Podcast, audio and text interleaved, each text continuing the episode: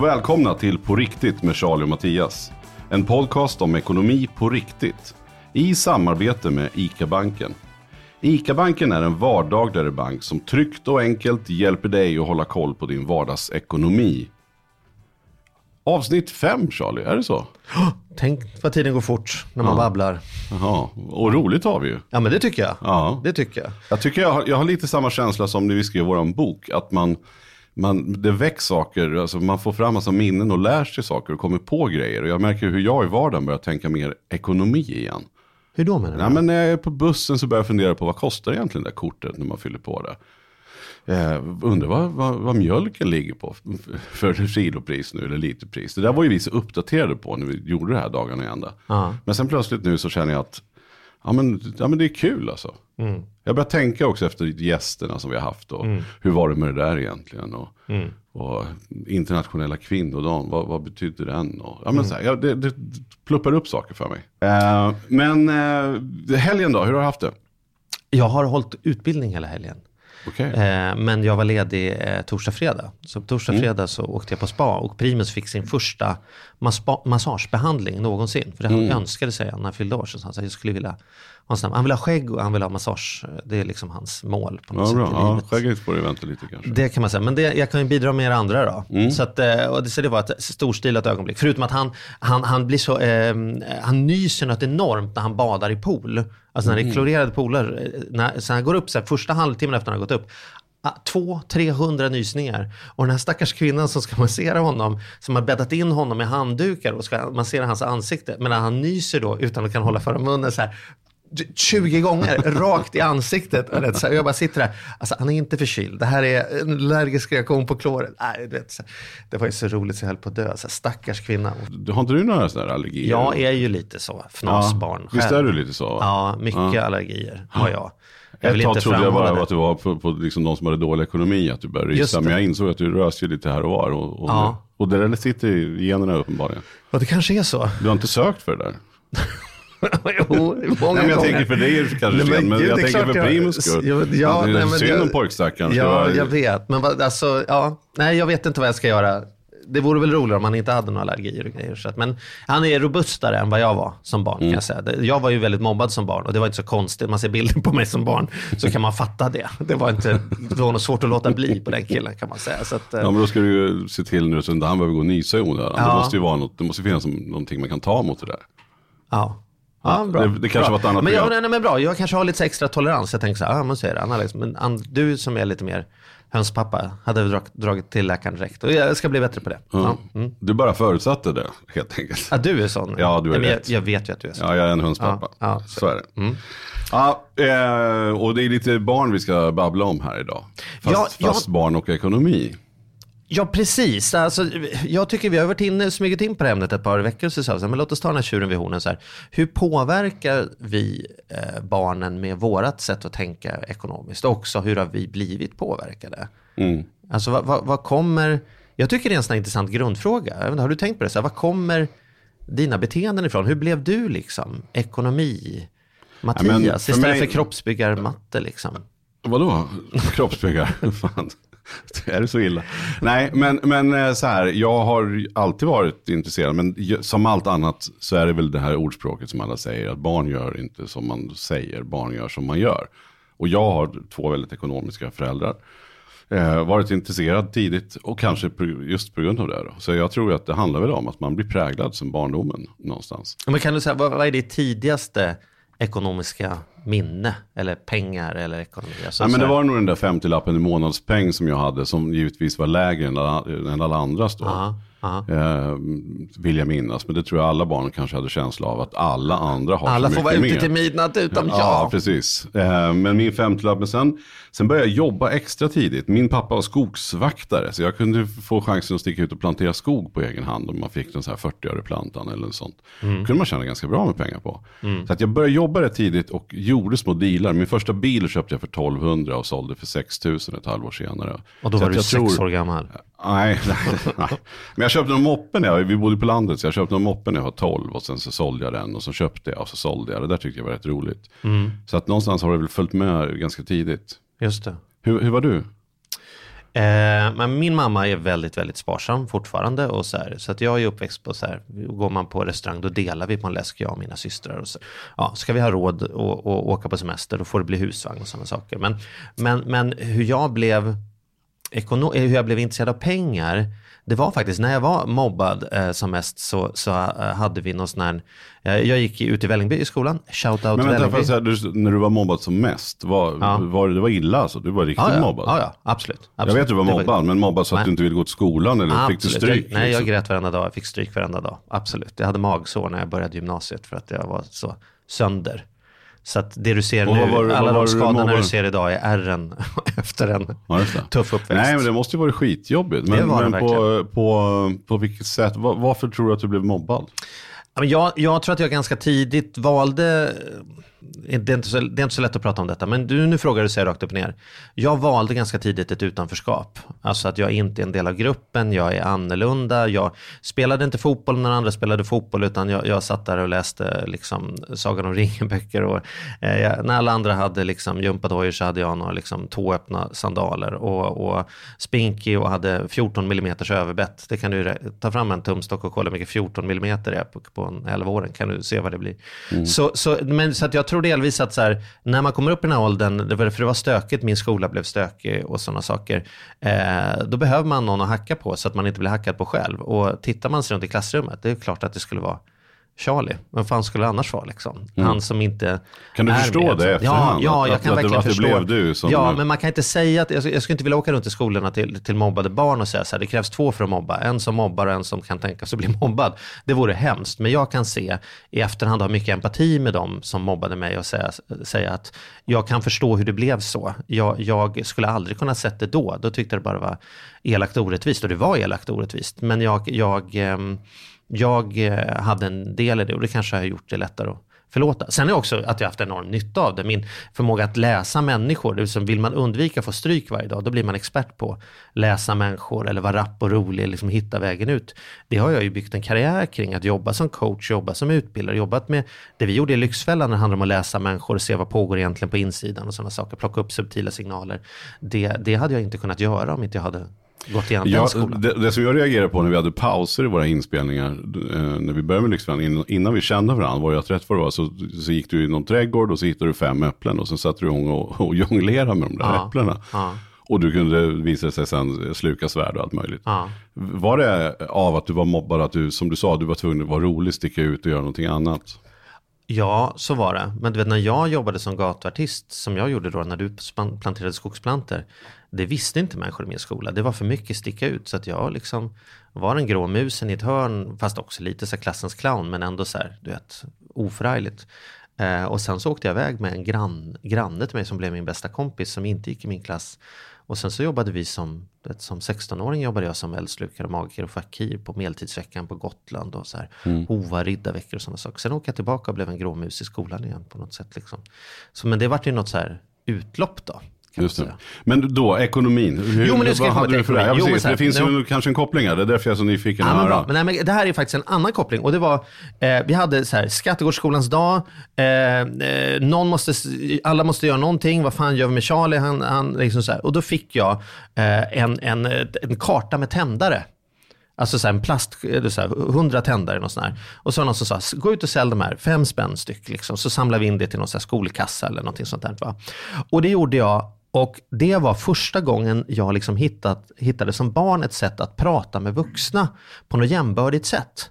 Så här, ursäkta, vill du ha en tändare? Så bara, nej tack, jag röker inte. Och då bara kom jag på, måste jag svara något så här, men du kanske har stearinljus hemma? Ja, men det har jag absolut. Ja, vad kostar de? Två för en tia. Och så, så för varje samtal så blev jag bara bättre och bättre och bättre. Och efter en halvtimme av att få prata med vuxna människor på ett värdigt sätt, det vill säga sälja, så hade jag sålt slut på det där. Och då kom jag tillbaka till receptionen och säger så här, nu är det slut. Och de bara, va? Då står en kille som heter eh, Olle Zachrissons pappa, fan det heter Erik Zachrisson tror jag. Han står där och säger så här, men Charlie, shit vilken duktig säljare du är. Och det berömmet jag fick av honom, du vet, det, det byggde mig. Där föddes en säljare, någon som bara, just det, jag är bra på jag är, jag är en bra säljare. Sen blev jag så här, du vet, sälja jultidningar och, och sålde åt Världsnaturfonden gosedjur till barn. Alltså så här, ehm, och min ingång i ekonomi var, var att jag älskar att sälja och hur man räknar resultatet i försäljning är ju att man räknar i pengar. Så jag blev, istället för att sälja hårsnoddar på Centralen så tänkte jag, jag ska sälja det dyraste man kan sälja. Så istället så säljer du tändare till skolelever. Nej, men alltså, så då, då pluggade jag och sålde hus, så då blev jag fastighetsmäklare. Så jag var fastighetsmäklare när jag var 19. Just det. Så det var min ingång till pengar. Att, eh, och det är fortfarande det, att jag är egentligen mer intresserad av samtalet, människorna, växten och, och, och driva bolag jag gör för att jag tycker att det, det kräver så mycket personlig utveckling. Men sen hur man ser hur det går, det ser man i resultat och balansräkningen. Det är liksom poängtavlan i matchen företag. Liksom. Men till dagens ämne då. Vi ska ju prata om just barn och pengar. Ja. Eh, och då tänker jag så här, det här är ju ändå ett ämne som ligger dig extremt varmt om hjärtat. För att jag vet att du Mm. till och med har nyligen släppt och skrivit en bok om barn och pengar. Ja. Så vad, bara så här, vad, vad är din ingång? Vi tänkte vi skulle släppa in vår expert här också. Mm. Eh, Så vi ska kunna grotta ner det här ordentligt för Mm. man ska och borde. Sen har man ju en känsla om man får väl göra som man vill, tänker jag. Men det kan ju finnas, eller det finns ju väldigt mycket bra knep. Eh, Vi ligger också lite olika. Du har ju en son som är åtta Mm. och jag har ju barn som är tonåringar, i alla fall en som snart är ur tonåren. Mm. Eh, Så jag ser hur jag har gjort. Men, men eh, vi tar det här vidare, men ska vi presentera Magnus först kanske? Det är väl lika bra att vi drar igång den här jingeln. Ja. Tre, två, ett.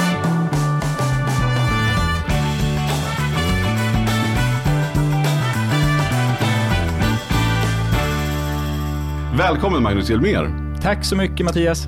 Vardagsekonom på ICA-banken, men du har också varit vd för Unga Aktiesparare va? Ja, stämmer jättebra. Ja. Du om någon borde väl kunna det här med barn och ekonomi då tänker jag. Du har, sen har du barn själv, men de är inte så gamla. Nej, precis. De är lite yngre, så vi har inte kommit... Vi är inte riktigt på, på, på veckopengs ålder än så länge. Det där, det där kommer jag vilja utmana. Hur man kan säga att man redan är på slalomålder men inte är på ekonomiålder. Det ska vi prata om om en liten stund. Det, det känns nästan som vi borde börja om, så här, jingeln. Da, da, da, da, da, da. Podden med Mattias och Magnus, våran expert Charlie är med, Ja, ja, som har skrivit ja, en just bok.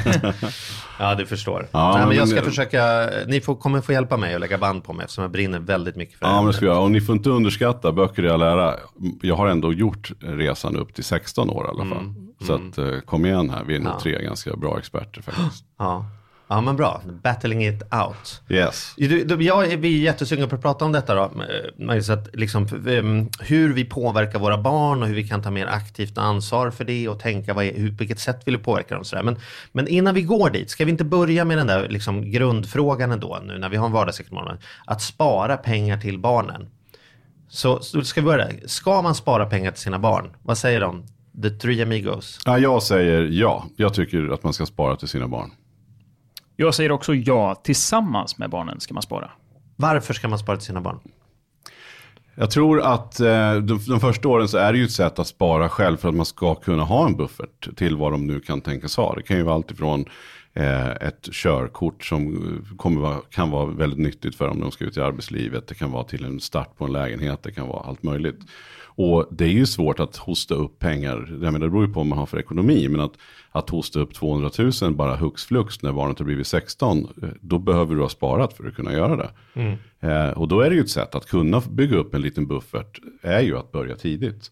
Eh, det är också så att vi kan gå in på avkastningar och sådana saker nu, men jag menar börjar du spara 200 spänn i månaden eller 400 spänn i månaden när de är nyfödda så blir det ju pengar. Och det är ett sätt för en själv att kunna erbjuda den här bufferten. Sen inser jag att jag menar, många har det tajt och tufft och ens få runt det. Men för mig handlar det lite grann om en, en prioriteringsfråga. Det, är också, det finns något viktigt i att just spara. Att man gör det. Sen om det är 50 spänn kan jag tänka mig upp till 1000 spänn i månaden. Men så är det för en själv viktigt att man tänker att man sparar och att man faktiskt gör det och att det växer. Eh, och det kommer kunna vara väldigt viktigt för dem att ha med sig. Och jag har ju märkt nu när mina barn är i tonåren så har vi kunnat berätta och pratat om att de här pengarna finns. Så här mycket har vi sparat och det här, då tänker vi att ni inte ska bränna av med polerna på Ibiza under tre veckor utan vi har tänkt att det ska gå så här. Så vi pratar extremt mycket om pengar generellt sett. Och då har vi nu kunnat börja snacka om de här pengarna för att om två eller tre år så eh, är det dags kanske för dem att använda dem. Sen vill jag bara flagga för att de här pengarna då som man, om man nu sätter de här pengarna på barnens konto i barnens namn så är det ju också olagligt för oss föräldrar att använda dem. Det vill säga vi kan inte köpa en ny panna till villan om den pajar ur om man har satt pengarna på barnens konto. Så är man osäker och så så kan man ju så länge sätta undan pengarna på ett eget konto och sen döper man konto till barnets namn exempelvis. Eh, men det är bara en sån liten säkerhetsåtgärd som jag vill flagga för. Men, men jag tycker absolut att man ska spara. Sen tror jag det kommer, har man ingen aning om vad som pengarna gör bäst nytta i när de blir 18-20 år och ska använda dem. Det, man vet inte vart de är i livet, om de pluggar och vad de gör. Men helt klart så är det också just det här mentala med att börja spara. Så att det är inget snack för mig, jag tycker absolut man ska göra det. Mm. Ja, jag håller med. Det, det finns eh, många olika anledningar. Du är inne på insatsen till lägenheten exempelvis, om vi tittar på bostadsmarknaden. Jag, jag, jag vill komma tillbaka till det lite senare och faktiskt prata om vad det skulle kunna innebära för ett barn och insats. Men vi, vi kommer dit snart. Men du, jag tänker på Mattias, när du säger så här, det, det är mer än bara liksom själva pengen att, till insatsen eller till det man önskar. Eller så. Ser du som har lite äldre barn, kan du se beteenden som, som har kommit med att ni har lärt era barn om sparande? Kan det komma igen i andra liksom, i andra ämnen i livet, tror du? Ja, det, det, tror jag absolut. Jag tror att man, man när, framförallt när de ska till att köpa kläder eller vad det nu än är. Och, och min son då, Hugo som, som eh, har fyllt 16, nu har han precis kommit in i den brytpunkten för att han får sitt studiebidrag.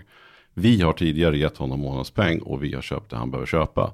Men han har då insisterat på, för att pengarna kommer ju per automatik när man är 16, så kommer pengarna till, till 16-åringen. Och då ska de ju då få ta hand om saker själva. Och det här märker jag ju nu när han måste köpa sina jeans själva, själv. Eller vad det nu är, kläder och sånt där. Hur han ju också tittar mer på vilka, så här, men här kan jag hitta ett par schyssta jeans som inte behöver kosta så himla mycket. Eller vad det nu kan vara. Eller så prioriterar han att köpa en dyr tröja som man har jämt istället. Eh, men, men som svar på din fråga så, så kan jag väl se det överlag med mycket saker. Alltså både Eh, ja, men, jo, men det finns ett tänk med sig och de har med sig att man, man kan inte köpa allt, man kan inte få allt. Så här måste vi prioritera. Precis. Anledningen till att jag ställer frågan är ju för att eh, jag kan ju se hos, både hos mig själv och kanske mina barn också börjat se hos Elsa som är, är fem snart. Att, här, att sätta mål blir så otroligt viktigt, mm. annat än att, att, bara prata om pengar. Hon vill ju sitta med paddan på helgerna och det kan ju vara att, att vi behöver planera, eller hon behöver resursplanera där sin paddatid, för det, finns, det är inte begräns, obegränsat med, med tid på paddan. Och då tänker jag att de här sakerna måste komma, igång, eh, komma igen i, i så många andra ämnen i livet än bara ekonomi och att man ska få det man vill. Jag tänker så här, mål med jobb i livet eller ja, med stora frågor tänker jag. Att man mm. kanske lär man sig tidigt att, att jobba med målsättningar så kan man ta igen det på andra områden också. Men det där tycker jag är intressant. Jag, jag ska, lägga upp, jag ska lägga upp ett klipp i Facebookgruppen, men, men eh, det finns ju en hel del forskning på ska man säga, vad gör att man får en framgångsrik ekonomi och liksom framgångsrik studie och arbetsliv. Och en faktor som är, är kanske tyngst vägande det är just läran om uppskjuten belöning. Alltså vår förmåga att offra någonting nu för att få mer längre fram. Vilket ju typ är en typ av liksom sparandefunktionen. Och då finns det någonting som kallas för marshmallow-testet. Där man kan testa med barn. Och de sätter sig i ett rum och så lägger man en marshmallow framför dem. Och så säger man att nu går jag härifrån och om marshmallowen är kvar om en kvart, då får du två. Och så bara går man och med en kamera då filmar och ser liksom vilka barn klarar att så här, jag, du vet, jag väntar och så äter jag två om en kvart. Eller så här, äh, jag måste ha den nu. Och så har man följt upp de här barnen när de har blivit vuxna och sett liksom hur har deras studier utvecklat sig, hur har deras ekonomi utvecklat sig.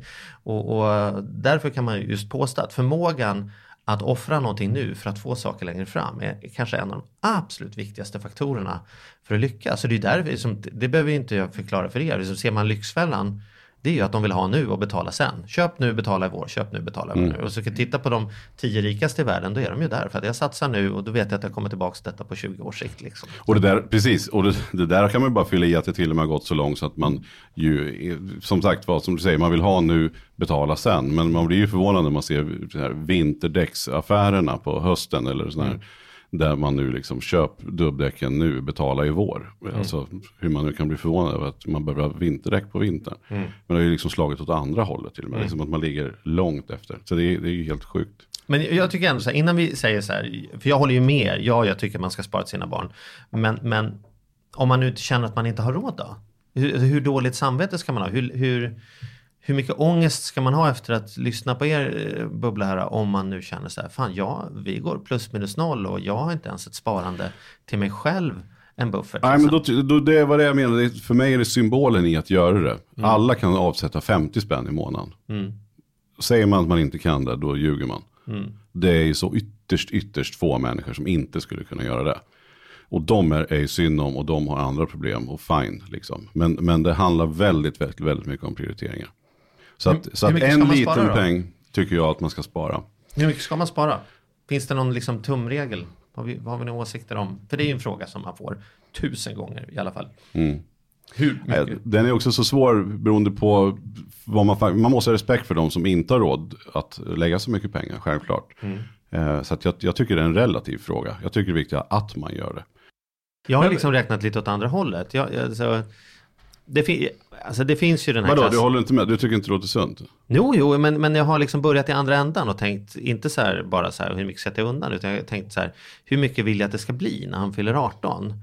Och det är ju så här, gud vad ska det bli? Men då, då får man börja på någon sån här den här gamla Hasse och Tage-låten. Liksom, så här, vi vet inte hur det blir när barnen blir stora men man hoppas att barnen ändå får ett glas öl. Liksom. Så då tänker jag så här, vad, vad är det jag hoppas, vad är det jag? Det är kul att du alltid refererar till sådana låtar som, som all, egentligen alldeles för gamla även för oss. Tycker det, men det var det du gjorde där när du Aha. satt i klassrummet där ja, och kände dig lite utanför. Jag lägger, upp, jag lägger upp den här gruppen Och jag börjar också. förstå ännu mer varför du, att du hade det tufft, med ja. all respekt. Det var jag och Hasse och Tage. Ja, liksom, ja, precis. Så, Ni fattar hur gammal jag är. Ja, ja, men ja. Den, där låten kan jag inte, den har jag inte hört. Nej, men, bra, men, men du kommer att ha hört den, för jag lägger upp okay. den i gruppen. Mm. Min poäng är att jag tänker så här, det är bättre att min son har grundplåten, handpenningen, de första 10-15 procenten till en etta i en rimlig Stockholmsförort.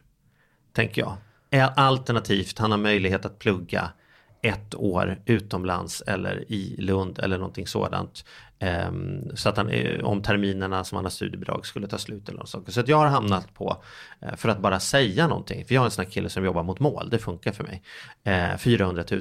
Men är det inte lite farligt att sätta upp ett sånt mål och sitta och snacka om det då? För många skulle aldrig någonsin kunna nej, men jag vet att du, ha råd jag vet, att komma du är upp i de 400 000. jag, vet, jag vet, du är olika, du är ju lite så här, fan, folk kan inte relatera till det och man får kan inte berätta vad vi tjänar för det går. Men så jag jo, är så här, jo, jag har inga problem att berätta vad jag tjänar. Nej, men jag, jag är så här, och folk vet ju redan att jag, jag tjänar bra och jag har det bra, men jag skulle säga att de flesta, sätter man av den där tusenlappen du pratar om i studiebidrag, eller i, i, barnbidrag, sätter du dem eh, på en rimlig lågavgiftsindexfond så ska det ju mycket till för att det inte ska bli 400 000 till barnet fyller mm. 18. Det kan vi vara överens om att då ska, det, då ska Donald Trump hitta på. Men jag menar, om man, nu, om man nu kan få undan 100 000 så är väl det skitbra. Jättebra. Det är också en fantastisk start. Men, Hur, har du, har du, stopp, ja, jag, jag, måste, jag sitter och lyssnar på er, jag blir inte riktigt klok här. Varför, varför ska jag sätta begränsningar i hur mycket jag ska spara till mitt barn?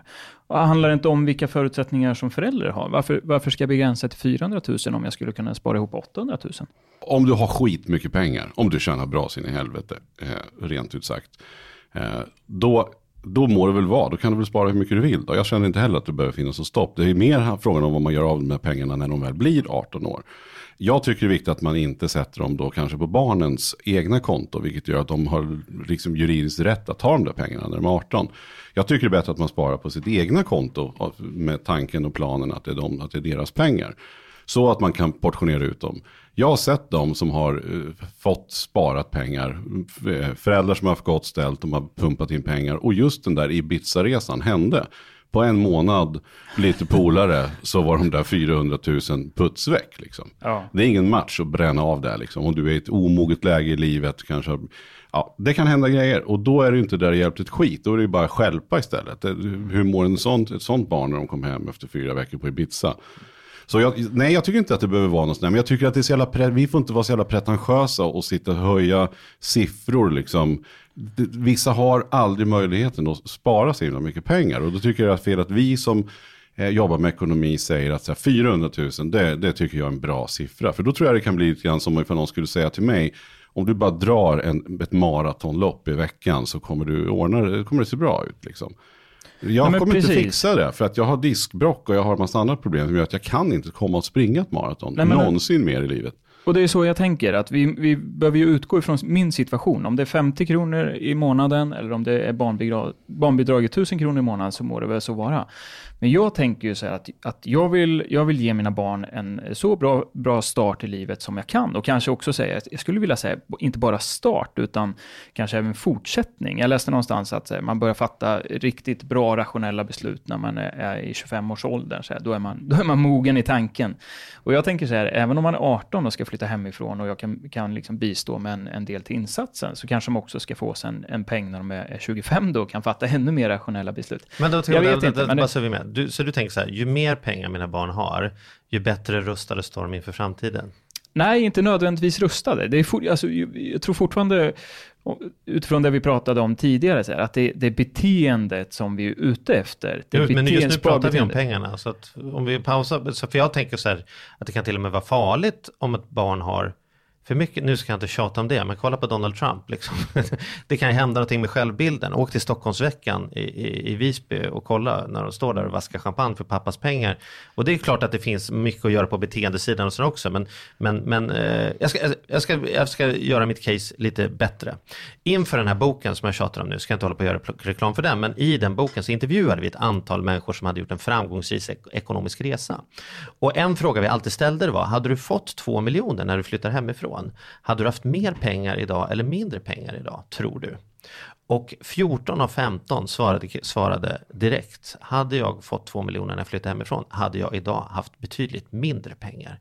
För då hade jag inte gjort detta till min resa, jag hade inte lärt mig det jag behövde lära. Jag hade inte börjat med två aktier där eller sova på det där sovloftet för 1900 spänn för att få ihop. Alltså, då hade det blivit någon sån här pappas eh, grej som jag skulle ta över, åh, det jävla aktiekontot. Alltså, det handlar om att lägga brödsmulor va? och då kan till och med ett för stort startkapital tror jag kan vara eh, det var i alla fall vad de sa.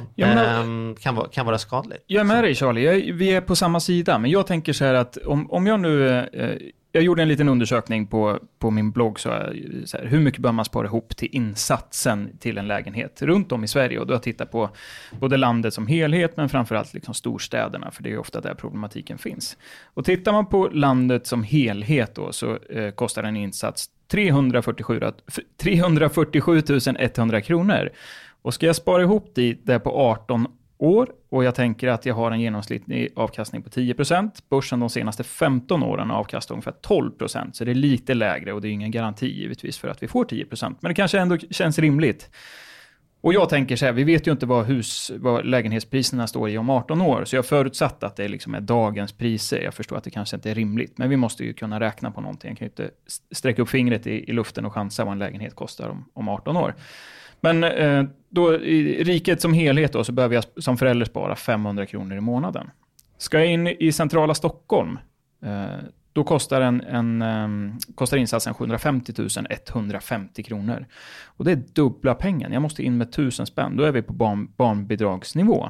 Och då tänker jag, säger Charlie, att eh, om du nu vill att ditt, ditt, ditt barn ska få förutsättningen att åtminstone, förutsättning, det är inte säkert att de vill till Stockholm, men eh, så här, vill man till Stockholm så ska man ha en insats och då är det 1000 spänn. Och jag tänker så att Men jag tycker inte en, jag tycker inte en 19-åring ska ha en lägenhet i, i Stockholms innerstad.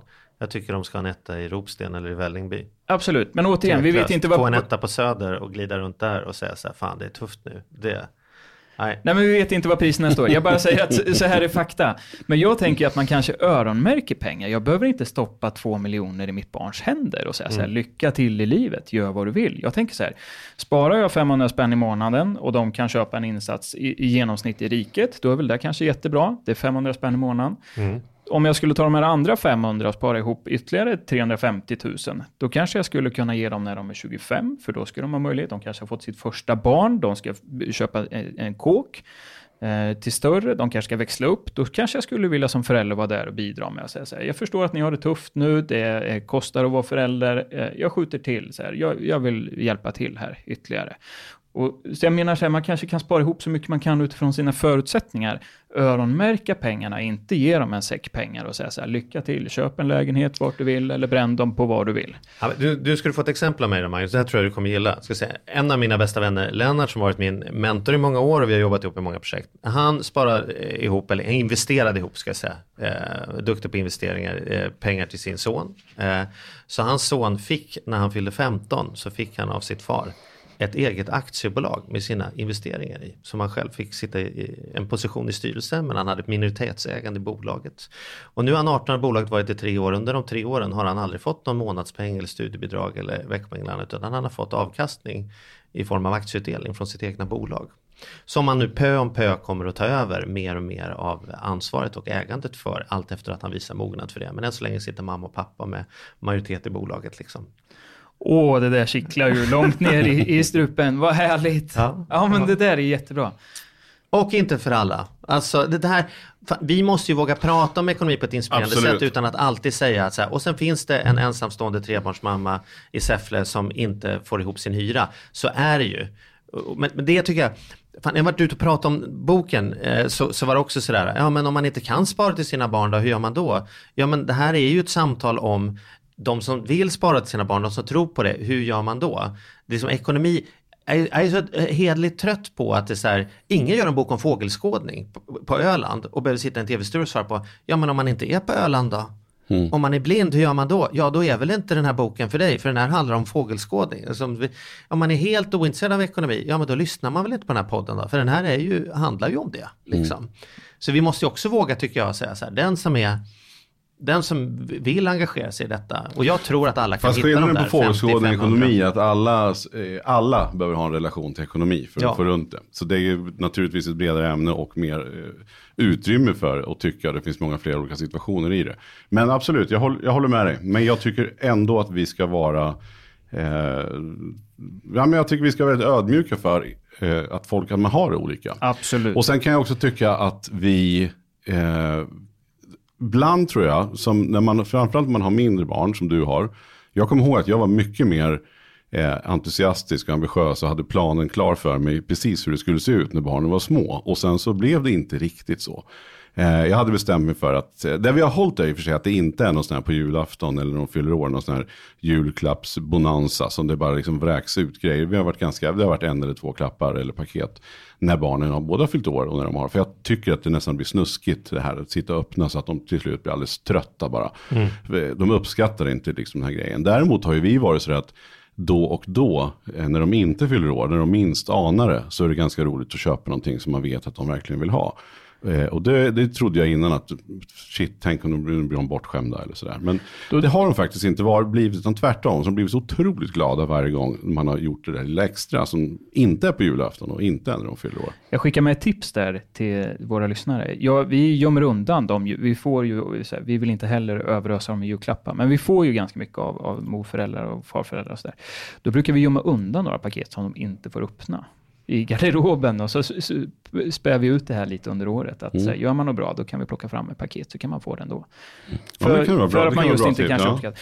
Men, men sen vill jag också säga, bara slutligen med det här med vårat sparande, att man ska lägga undan så här pass mycket pengar, så tänker jag också sådär, jag som inser att, att nu när barnen har blivit större så känner man, inser man hur jädra fort det går. Och, och jag träffade ett, en, en, en annan, eller vi träffade en annan familj för inte så länge sedan som berättade då att man har verkligen liksom Eh, Eh, vänt sig ut och in för att kunna spara undan så mycket pengar som möjligt till barnen. För att de då ska kunna sitta med mycket bättre förutsättningar än vad man själv gjorde. Och det är gott så i tanken. Men sen inser de själva att vad, vad gjorde vi under den här perioden då? Ja, vi var knappt utomlands och vi hade, var så jävla fokuserade på att spara undan pengarna till barnen. Inte unna sig själv saker, kanske inte unna sig med barnen när man har chansen att göra det om man nu kan lägga de här, jag menar jag, jag åker ju hellre på en resa för 50 000 hela familjen när, vi är, här, när, när, barnen är 10-12 år och fortfarande, när man, när man hänger. Och använder 50-100 000 på en sån resa och gör det ordentligt och umgås än att de ska ha 50 000 var mer eller gå ner i arbetstid och hämta dem klockan tre på, på fritidsträff eller sju precis. att bara dra in pengar som man ska Passa på, ja precis. Att umgås med barnen under tiden de är barn är, måste ändå vara värt långt mycket mer än, än hur, hur mycket pengar man har lyckats få undan på kontot. Här är en fantastisk att, historia eh, från en av mina bästa vänner. Hon, hon hon upplevde att hennes pappa var eh, fantastisk men otillgänglig, liksom emotionellt otillgänglig. Han var inte där så mycket när hon växte upp. Och, hon hade väl sina grejer att dela med och, och sen så mådde hon dåligt. Så, så här, jag, jag, ska gå till en psykolog. Och så ringer hon sig till pappa och så säger han så här, pappa jag, jag ska börja gå hos en psyk psykolog. Och då säger han så här, jag har sparat undan pengar till din psykolog sedan den dagen du föddes på ett speciellt konto. För att jag vet att jag inte är så himla bra på sådana här saker. Så det finns färdigt gumman. Gå du så betalar jag. Det är, tragiskt och vackert på en gång på något sätt. Liksom. Mm. Nej men jag upplever också det här att det är så jädra många. Man jobbar och jobbar och jobbar och jobbar. Och sen så ska vi bränna av det där på en Thailandsresa sen. Mm. Så här, jul och nu, då åker vi till Thailand. Och nu jävlar ungar. Nu har vi det bra här de här veckorna. Nu får det kosta. Nu, nu ska vi köra all in här och sen så får man nästan, en del betalar av resan fram till sommaren för de har, där de har smält av på två veckor. Eh, ja, nej, jag, jag tycker det, det, måste vara sunt med det sparandet. Kan vi inte sammanfatta det så här, att det, att det ska finnas någonstans en... Eh, man ska lägga, lägga undan utifrån de förutsättningarna man har, eh, men framförallt att man ska leva här och nu också. Kan inte det vara en sund inställning till barns sparande? Det, sunt, sunt är relativt, men... Ja, ja nej, men så är det. Lite präktigt sammanfattat, men du har förstås rätt. ja, det är bra.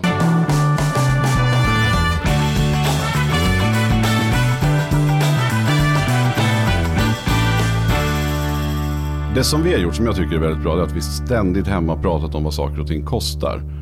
Eh, så att man försöker få ett medvetande. Man kan inte begära att, att barn ska kunna läsa en resultat och balansräkning när de är 10-12 år. Men, men att de ändå får ett hum om vad, vad kostar grejer egentligen. Eh, barnen har ju alltid älskat sushi till exempel. Och då är det så här, vad, vad ska vi äta idag? Säger jag, tänker att det blir en kokt potatis eller någonting. Ja, men då är det alltid så här, sushi liksom. Och då har man ju först, så här, vad, sushi, vad tror ni det kostar då? Och sen så dra lite exempel. Och ta de där små exemplen, det är inte så att vi sitter och tjatar om det där hemma om dagarna. Men att ta Varje gång de petar in en bit i munnen säger du så här, 8 kronor, Aha, 8 kronor. 16 nej, kronor. Nej, för fasen.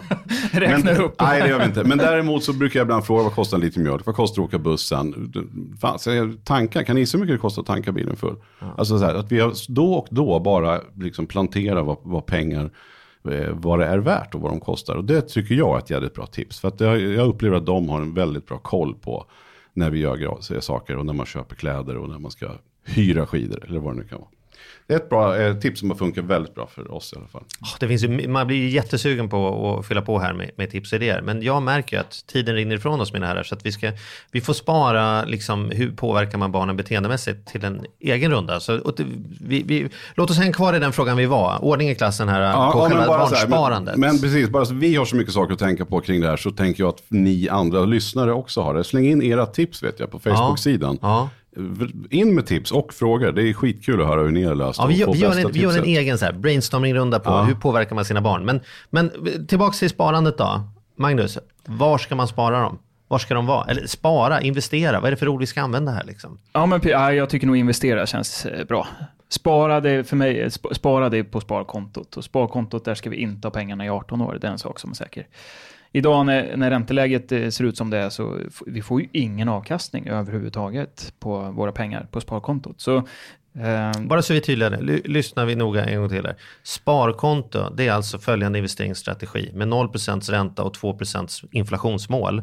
Att du ska ta pengar, om det står 1000 kronor där så ska du ta ut 20 av dem varje år och röka upp under köksfläkten och sen lägga tillbaka resten i lådan om och om igen. Det är ingen bra strategi. Det är ut, hela poängen är att det ska förlora i värde. Det, det, är ju så samhället, vi måste ha inflation för att få hjulen att snurra. Det betyder att sparkontot blir bara mindre och mindre.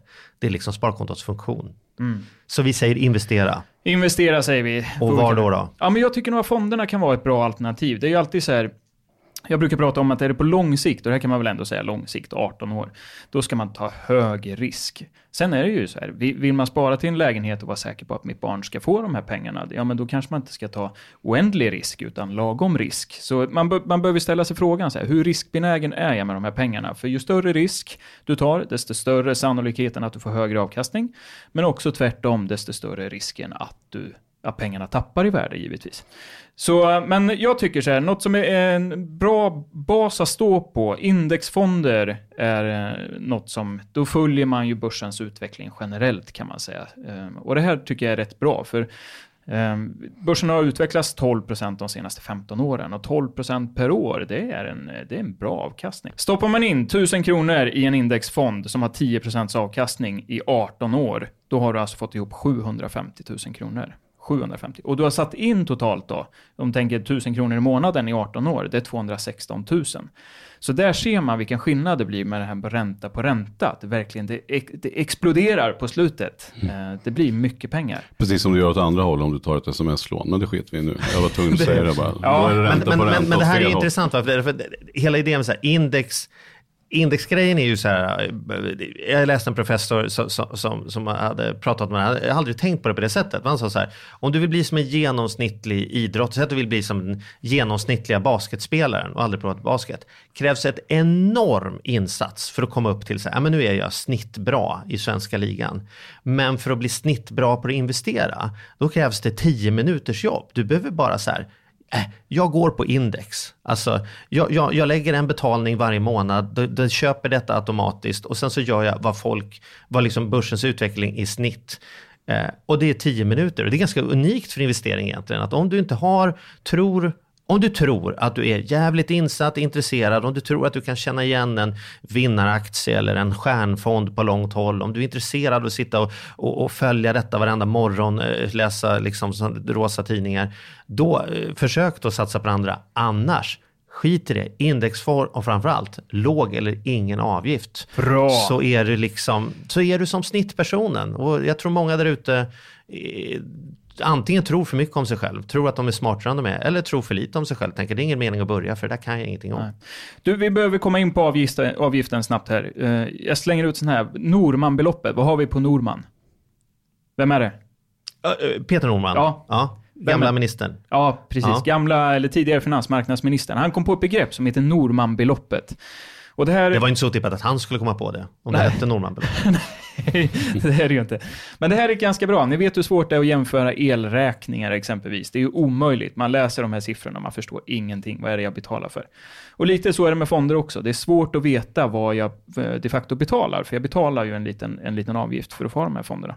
Normanbeloppet, de, eh, de tar bort all svårighet. De säger så här, om jag skulle investera 1000 kronor i månaden i 10 år, 1000 kronor i månaden i 10 år, alltså totalt 120 000. Hur mycket av de här 120 000 kronorna kommer jag få betala i avgifter? Och de har satt det här beloppet på alla fonder. Så om man exempelvis går in på en, en eh, sajt som jämför fonder så är det här Norman-beloppet eh, utstakat. Då. Så eh, medan vi sitter här så har jag gjort en sökning eh, bland då 3488 fonder, så tänker jag så här, då kan man jämföra Norman-beloppet och se lite var, vart ligger de här indexfonderna då jämfört med kanske någon annan typ av fond. Uh, och sorterar jag på det här och så, så tar jag den som har högst Normanbelopp, alltså absolut högst Normanbelopp, då skulle jag få betala 67 186 kronor i avgift mm. av totalt 120 000 insatt kapital. Det är fruktansvärt. Men, men, ja, det är det. Men när du säger det, alltså, så många människor som lyssnar kommer sen gå till en säljare i en förlåt, säljlokal som kallas för bank. Och så kommer de säga att det spelar ingen roll om avgiften är lite högre, för vi, det kommer bli mycket mer avkastning. Vi är så himla mycket duktigare på att sätta pengarna. Det, och det, den får man ju inte gå på, för det finns väldigt lite, om något statistiskt belägg för att de här avgifterna rättfärdigar att det långsiktigt blir så mycket bättre. Precis. Tvärtom så tyder det mesta på att om en apa hade bara pekat så skulle den fonden gå bättre än vad snittfonden går i Sverige. Liksom. Och, och då vill jag att man jämför det här då med de här indexfonderna som vi ändå pratar om i förhållande till risk som vi sa. Man kan få 10-12% avkastning per år till 0 kronor i avgift. Mm. Alltså förstår ni? Jag betalar in de här 120 000 då under 10 år och då, då har jag fortfarande 120 000 kvar. Inga pengar har gått till, men jag har fått 10-12 procent.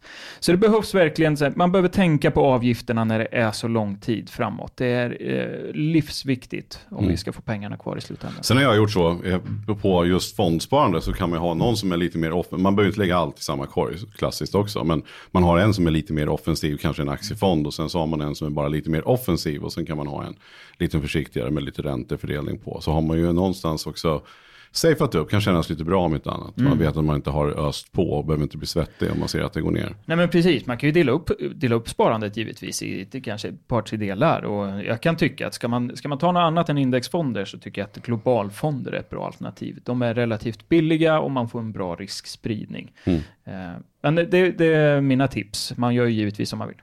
Mm. Vi Ja, behöver, ja. inte gå djupare än så i själva hur- varet man, man stoppar pengarna. Men det är en bra information och någonting att börja googla och titta på eh, själv. Att det finns väldigt mycket bra information där. Och det tycker jag också, ska vi inte prata pensioner här idag, men det är också så här, många bryr sig inte om det här orangea kuvertet som vi säkert får alla anledningar att komma tillbaka till. Men det finns ju väldigt utfört och superenkelt att titta på nätet idag, minpension.se till exempel. Verkligen.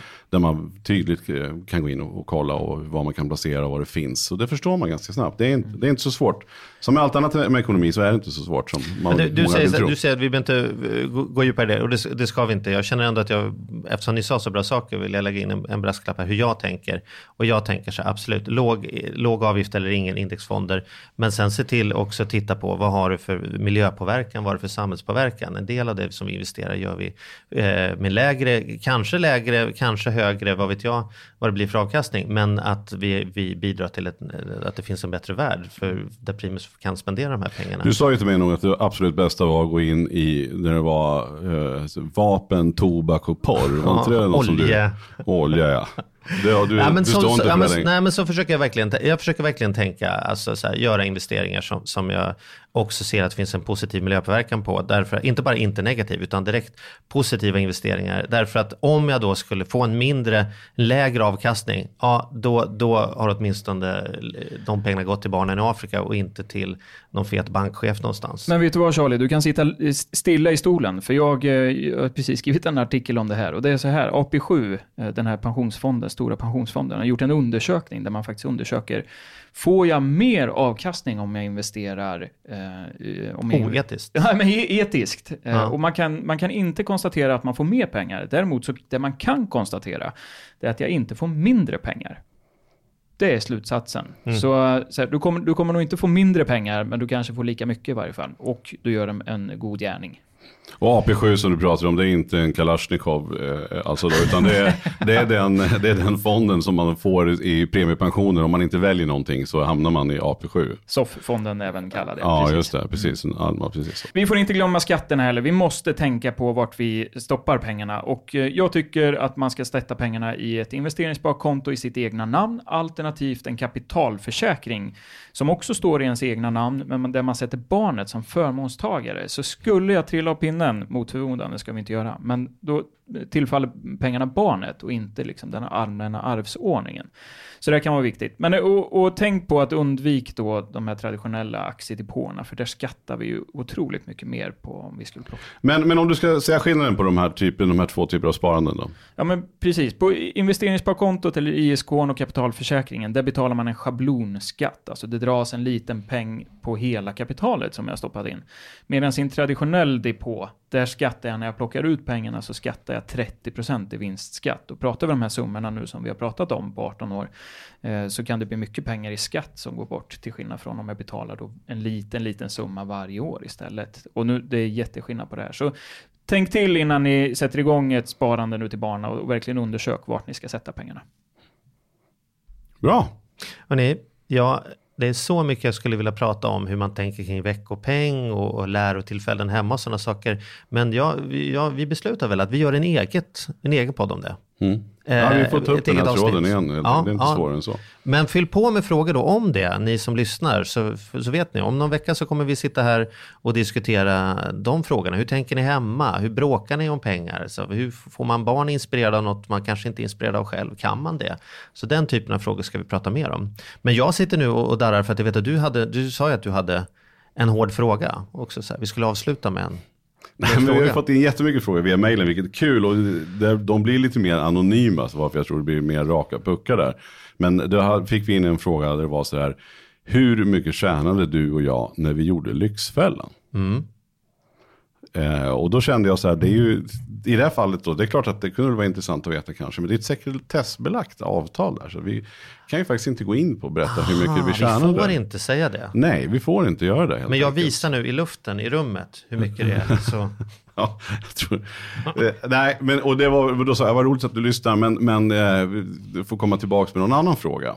Eh, och då kom frågan så att om vi bara får säga en sak, alltså ett enda ekonomitips det absolut viktigaste och det bästa ekonomitipset. Och det här är inte du förberedd på. Mm. Eh, men då vill jag först höra här vad du säger. Om du, du måste ge ett tips till den här killen som, som mejlade oss.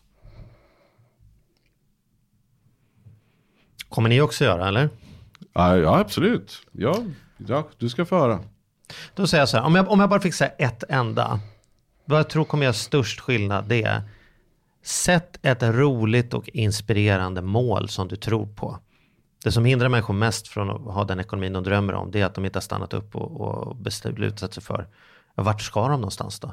Om man vet vart man ska, då är det inte så svårt att hitta man tar sig dit. Men om man inte vet vart man ska, då kommer det aldrig hända. Sen skulle jag vilja säga nio råd till, men om jag bara fick säga ett. Då ska jag säga, det som kommer göra störst skillnad när jag har träffat människor som lyckas, det är att de hade drömmar de tog på allvar. Sen lärde de sig det de behöver lära, hitta människor som hade de ingångarna. Men om du inte vågar drömma, då kommer det ändå aldrig hända.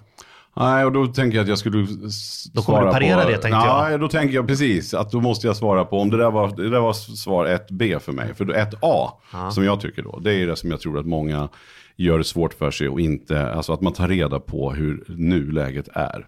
Vad har jag för räkningar? Vad har jag för abonnemang? Vad har jag för avtal? Många vet ju inte hur mycket man betalar i ränta och vad det är för, för typ av eh, elavtal man har, mobilräkningar och sånt där. Så det är ju givetvis grundsteget. Och det tror jag det är många som inte riktigt vet. Så att ta reda på exakt var du står. Sen hoppar vi till, över till ditt knä och sen så börjar man drömma. Vet du vad? Jag visste att du skulle säga det, det var därför jag sa den andra. ja, ja, men du, nu får vi vinka av detta. Ja, vi vinkar av. vi Tack. hörs på Facebook. Ja, det gör vi. Hej. Hej.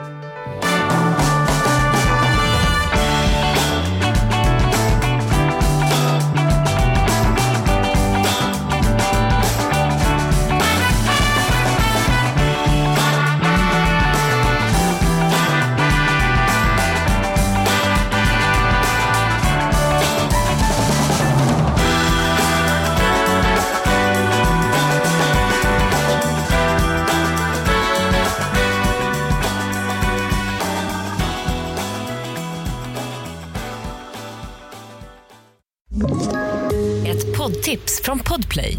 I fallen jag aldrig glömmer djupdyker Hasse Aro i arbetet bakom några av Sveriges mest uppseendeväckande brottsutredningar. Går vi in med hemlig telefonavlyssning och, och då upplever vi att vi får en total förändring av hans beteende. Vad är det som händer nu? Vem är det som läcker? Och så säger han att jag är kriminell, jag har varit kriminell i hela mitt liv men att mörda ett barn, där går min gräns. Nya säsongen av Fallen jag aldrig glömmer på Podplay.